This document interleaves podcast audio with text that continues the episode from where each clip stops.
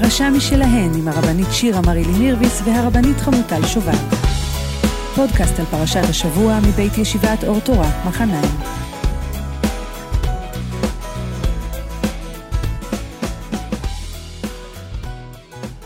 שלום הרבנית שירה מרילי מירביס. שלום לרבנית חמוטל שובל. פרשת בעלותך עם המון המון נושאים, אבל לפני זה אני רוצה לספר לך סיפור.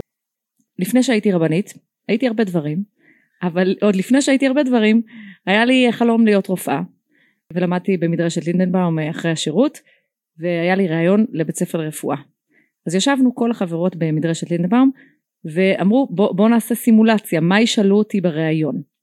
אז אחת אמרה ישאלו אותך על רפואה והלכה, ואחת אמרה ישאלו אותך על איך הדתייה ועל השתלת איברים, וישבנו ערב שלם וניסינו לחשוב מה כדי שלא יתקילו אותי. למחרת באתי לראיון, ולא שאלו אותי בכלל את זה.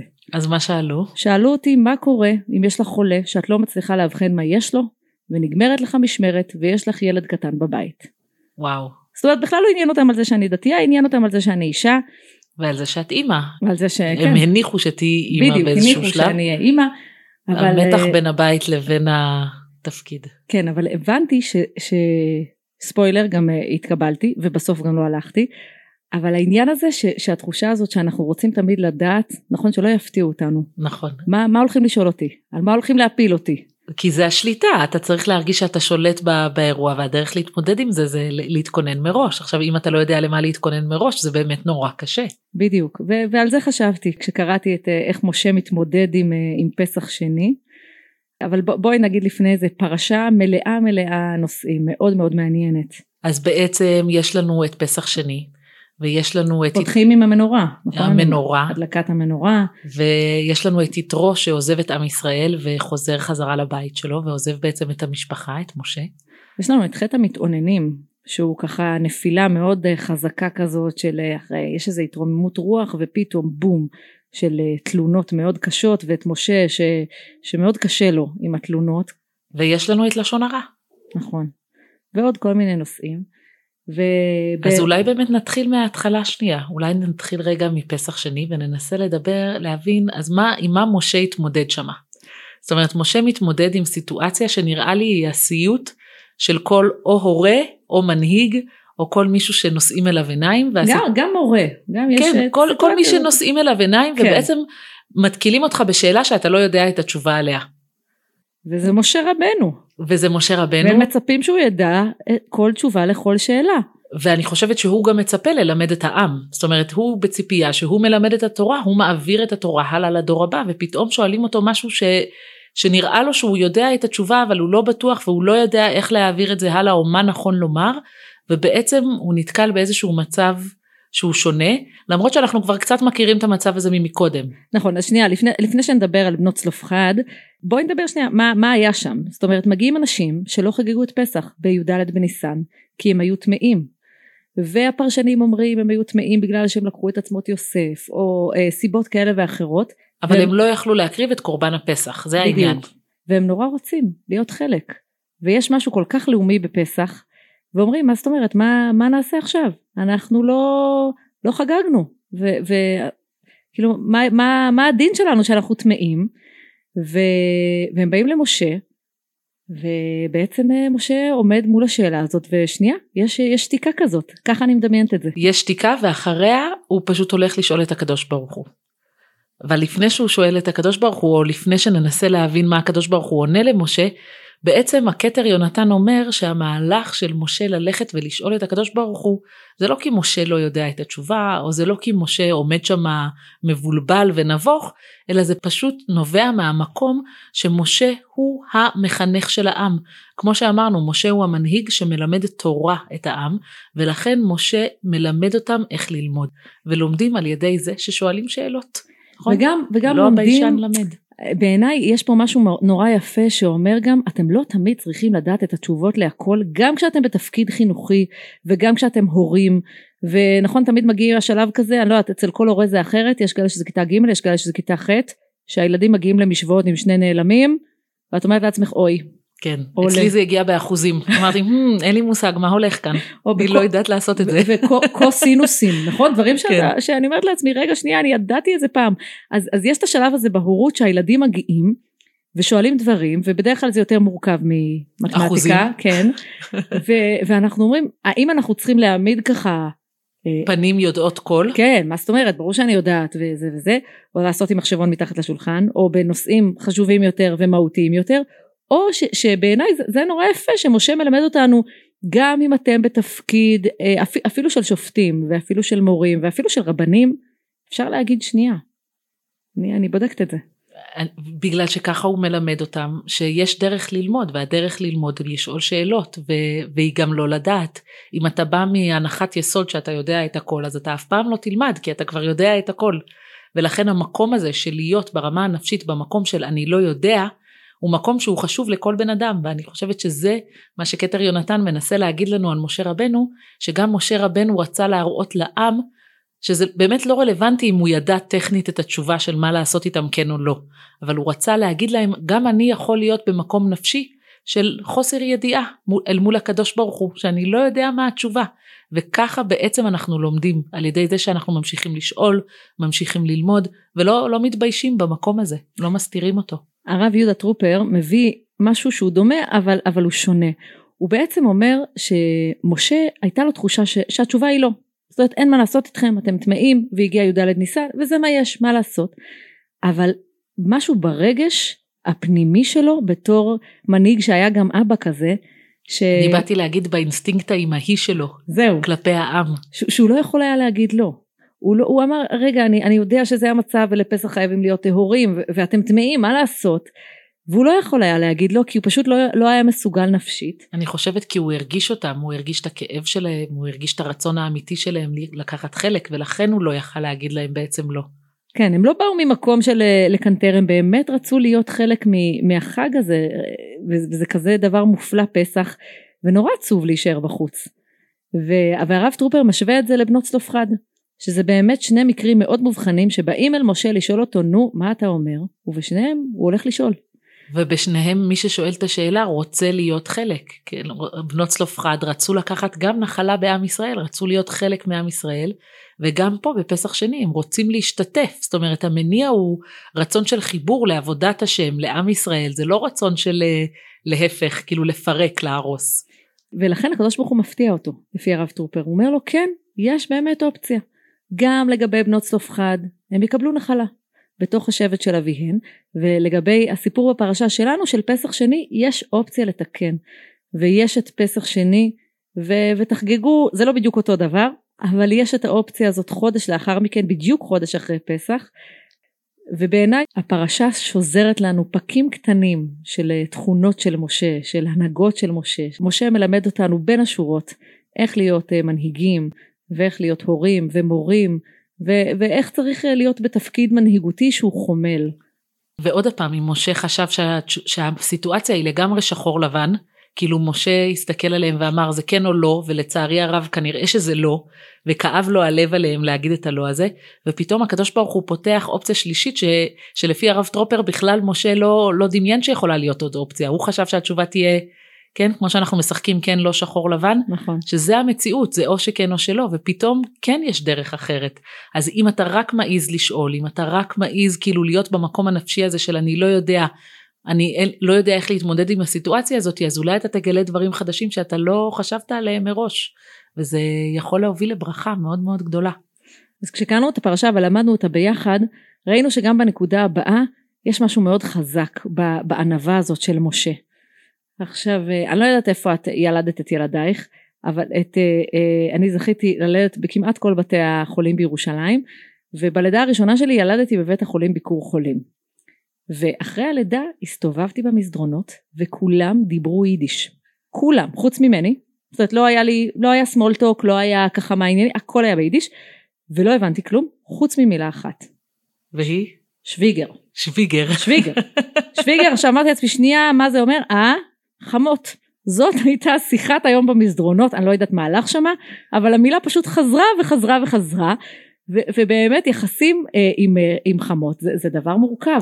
זה דבר מורכב ועדיין זה מביא לנו את אחד הפסוקים הכי יפים לדעתי בחומשים בכלל, אה, כשמשה מדבר עם יתרו, והוא אומר לו והיית לנו לעיניים. הוא אומר לו אל תעזוב אותנו, כן. תישאר איתנו פה במדבר ומדובר על חמיב. וזה מאוד מאוד מורכב ועדיין משה אומר לו רוצים אותך איתנו. ועדיין משה מצליח להגיד ליתרו, להסביר ליתרו מה כל כך מיוחד בו, שהוא צריך דווקא אותו מכל, למרות שיש לו מסביב את כל עם ישראל ואת כל הנשיאים וחכמים וכן, יהושע לידו וכולם כולם חכמים וטובים ונמצאים שם, והוא בכל זאת מצליח להגיד ליתרו רגע לך יש ייחודיות שהיא אחרת. שהיא, שהיא שונה, שהיא יכולה לעזור לי ממקום אחר לחלוטין, והמקום הזה זה והיית לנו לעיניים. אז אני, גם אי אפשר לדעת מה בדיוק היה טיב היחסים שם, זאת אומרת נכון. אנחנו יודעים ש, שיתרו הביא את ציפורה, שאנחנו לא יודעים ממשה למה הוא השאיר אותה ו, ולא הביא אותה למדבר, ו, ופתאום תחשבי שאת הסיטואציה המשפחתית שאין אין, אין, אה, וואטסאפ להודיע, אני מגיע, מחר. הוא צץ שם במדבר עם ציפורה ושני הילדים. כן. בטוח, בטוח שלא זמן. היה פשוט משפחתית. ועדיין משה יודע לקלף את המורכבות המשפחתית ולקבל ממנו את העצות שהוא כבר קיבל uh, בעבר על שרי האלפים ושרי המאות וכולי ופה הוא אומר לו תישאר איתנו ו- ורש"י אומר כל דבר שאנחנו לא נדע איך uh, בלשונו תהיה מאיר עינינו. הוא אומר עזוב אותך משפחתולוגיה אני רואה שיש לך משהו כל כך מיוחד ש- שרק אתה יכול לתת לנו. אנחנו משתבללים אולי בתוך עצמנו ואתה בא ממקום חיצוני וזה, וזה פרספקטיבה אחרת. אז אולי זה עוד משהו שמשה מלמד אותנו על מנהיגות בכלל, אמ, היכולת להפריד ולא להכניס רגש ואמוציה גם לתוך מקום שהוא רגיש ואמוציונלי מול היחסים המשפחתיים המורכבים, כן להצליח לקחת את הדברים הטובים משם, כן להצליח להקשיב לבן אדם הזה כאילו ברמה המקצועית שלו, אה, ולא בהכרח מתוך זה שהוא האבא של אשתו. אמ, אנחנו כשהתחתננו, אה, שלמה ואני לפני 17 שנה, חודש אחרי החתונה, שלמה אמר לי קניתי לך מתנה, רשמתי אותך, היה אה, קבוצה, רכישה קבוצתית של ניתוח לייזר בעיניים. חשבתי שרכישה קבוצתית זה רק ל... לפליזים, נכון? לפליזים, בישיבה. מקסימום לפרגולה. בדיוק, אז כאילו- בישיבה ששלמה למד בה היה רכישות קבוצתיות לפליז, לסנדלי שורש, וליד זה הייתה רשימה של רכישה קבוצתית לניתוח לייזר בעיניים ובטבעיות הוא פשוט רשם אותי. קצת מלחיץ. טיפה, גם אני נלחצתי ובאמת עשיתי את הניתוח לייזר הזה חודש אחרי החתונה ובאמת הסתובבנו שם יצאנו מהניתוח אה, ושלמה ככה הוביל אותי בדרך ובאמת שלא יכולתי לראות כלום איזה שבוע וואו. וישבנו אני ישבתי בחדר חשוך לחלוטין כי אור היה לי מאוד מאוד כואב הייתי רגישה לאור והוא הקריא לי הארי פוטר אני בדיוק זוכרת שיצא הארי פוטר ובמשך שבוע, אין רומנטי מזה, באמת שלא היה רומנטי מזה, אימא שלי הייתה בהיסטריה, מה עשית לי לילדה? ו- ושלמה יושב ומקריא לי הארי פוטר, והוא באמת היה לי לעיניים, זאת אומרת הייתה תקופה שהסתובבתי בחושך בעולם, ו- ושלמה היה צריך לתווך לי את המציאות, לתווך לי את מה קורה מסביב. זה באמת, אני חושבת על משה רבנו כמה ענווה זה להגיד, אני המנהיג פה, זה עליי, הם, העם הזה שמאחורינו, כל האוהלים האלה וכל הדגלים, זה הכל שלי, ואני צריך עזרה. אנחנו מאוד מאוד רגילים למצ'ואיזם כזה מנהיגותי, לאנשים שאומרים תבחרו בי, פוסטרים עם תמונות. אני יודע. אני יודע, אני אנווט, נכון? כן. ומשה אומר וואלה, אני לא יודע אם אני אצליח לנווט, ובכל הכנות הוא אומר לו, אני לא יודע אם אני אצליח לנווט, תהיה איתנו, תישאר איתנו, בין אם אתה, עכשיו, עכשיו אפשר להבין את זה גם ברמה המילולית, אתה מכיר את המדבר, אתה מכיר פה את העמים, ואני בוחרת לחשוב על זה גם ברמה נפשית, הנפשית, המנהיגותית, אתה רואה דברים שאני לא רואה. אז רבנו בחיי גם הולך לכיוון הזה, והוא אומר משהו מאוד מאוד יפה, שבמדבר הקדוש ברוך הוא הנהיג את עם ישראל, כאילו היה להם את עמוד האש, היה להם עמוד ענן, זאת אומרת זה לא שמשה היה צריך ווייז. הקדוש ברוך הוא הראה להם לאן ללכת, כל ההתנהלות שם הייתה ניסית לחלוטין. זאת אומרת, משה, במה הוא היה צריך עזרה? מה שהוא צריך עזרה, הקדוש ברוך הוא שם, עוזר לו. תחשבי מה זה, לעצב מחדש את ווייז עם עמוד האש, עמוד ענן, זה יכול להיות סטארט-אפ. תחשבי מה זה להסתובב במדבר ולא לדעת לאן אתה הולך. מפחיד כאילו נורא. כאילו לסמוך במאה אחוזים על ענן שמלווה אותך בדרך ואז אתה אומר אה רגע היום היה גשם זה לא הענן הזה הלכנו לא נכון. אז רגע אז למה, באמת, אז למה באמת צריך את יתרו אם אז, יש כאלה ניסים והקדוש ברוך הוא מוביל בבטחה. אז, אז זה מה שרבנו בחיי שואל אם, אם יש כאלו כזו התנהלות ניסית במדבר למה בעצם משה היה צריך את יתרו שם בתוך הסיטואציה הזאתי אז הוא אז, ועונה על זה רבנו בחיי משה אמר כן כדי לחזק לב קטני אמונה שהיו ביניהם אשר ליבם היה יותר מתנחם ומתחזק במנהיג בשר ודם. זאת אומרת משה לא באמת היה צריך את זה. משה היה מאה אחוז בטריה מלאה על הקדוש ברוך הוא, הוא באמת לא היה לו פקפוק בדרך והוא יכל ללכת אחרי ענן רנדומלי במדבר. אבל היה שם את כל העם, והעם היה מפוחד, והעם בדיוק עברו את יציאת מצרים, וקריעת ים סוף, ומתן תורה, והיה שם אורות וברקים וטלטלה נפשית מאוד מאוד גדולה. והם רוצים לדרות מדריך טיולים עם סנדלים בלויות.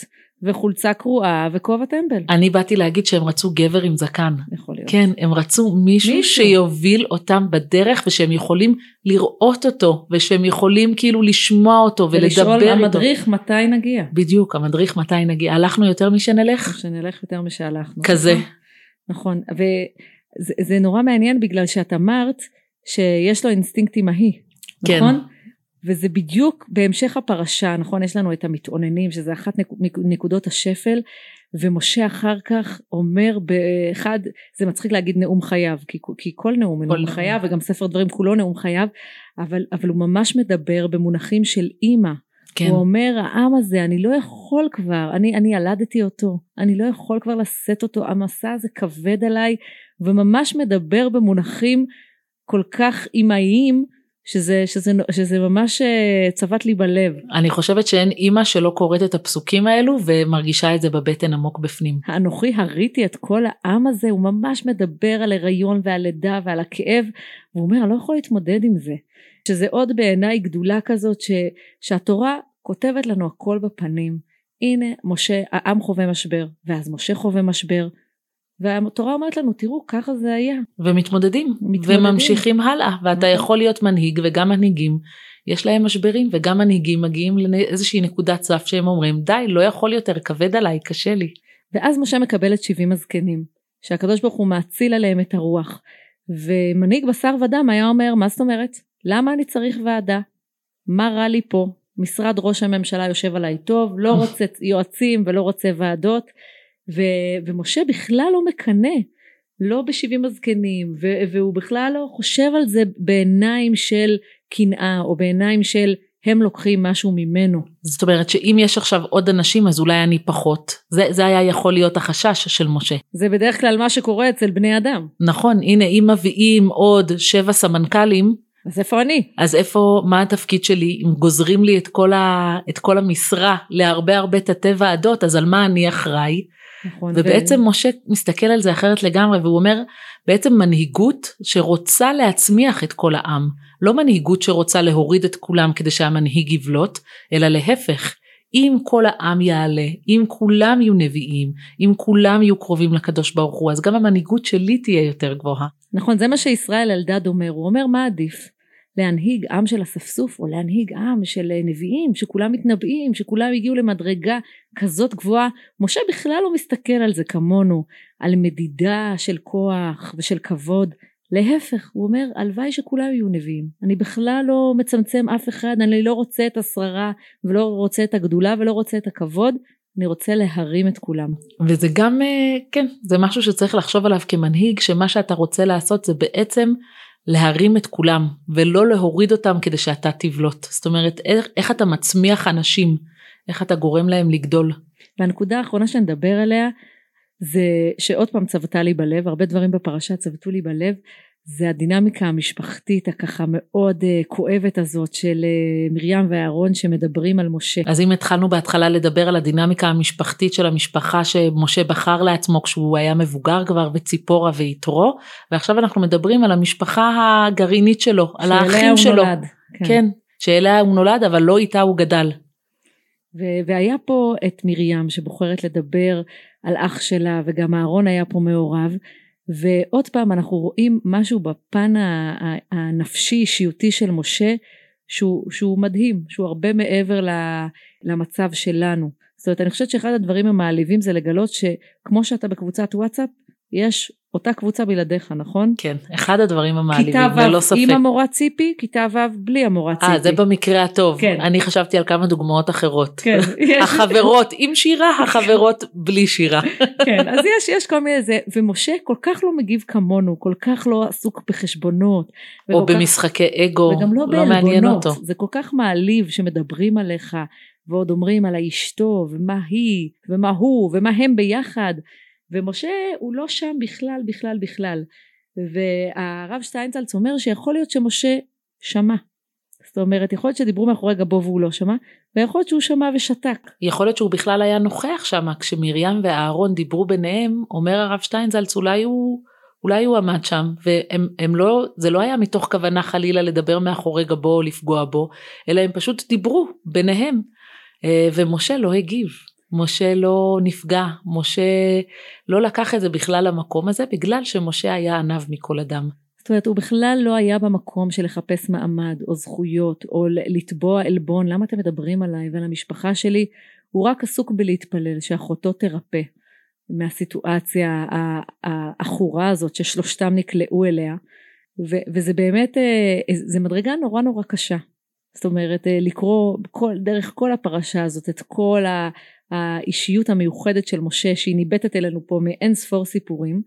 אבל... אני, אני חשבתי על זה שהרב שיינזלץ כותב שיכול להיות שהוא שמע את השיחה אבל הוא לא הגיב, שמשה בעצם הייתה איזושהי דינמיקה בין אהרון לבין מרים שהוא לא היה חלק ממנה. כי הוא לא גדל איתם. נכון. אנחנו כל הזמן צריכים להיזכר בסיטואציה המאוד מאוד מיוחדת שמשה נולד לתוכה. ברגע שהוא היה תינוק הוא נלקח. הוא, הוא היה ילד אומנה. אחר. הוא היה ילד אומנה נכון. בבית של, של מלך מצרי. ואהרון ומרים גדלו ביחד ואני מתארת לעצמי שזה שהם גדלו ביחד בתור ילדים היה להם את השפה המשותפת שלהם את המשחקים המשותפים את המבט הזה בעיניים שיש בין אחים. שיודעים להעביר. שיודעים להעביר אחד בין השני ואולי יש פה איזה כאילו מספר שלוש כזה טיפה מוזר שפתאום הנה איזה כיף שיש איחוד משפחתי מרגש מצד אחד מצד שני יש פה שפה משפחתית שמשה אולי פחות דובר אותה כי הוא לא גדל איתם. וגם הוא באמת המנהיג. הוא זה שמדבר עם הקדוש ברוך הוא במקום אחר. במקום אחר גם נפשית וגם בעיני העם הוא במקום אחר.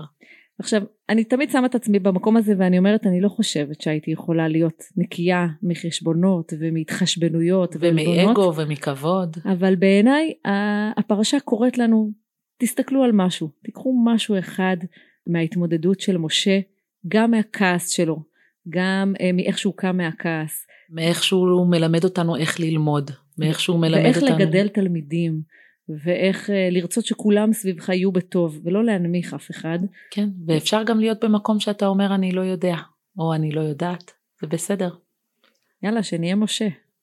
לאט לאט. שבת שלום. שבת שלום.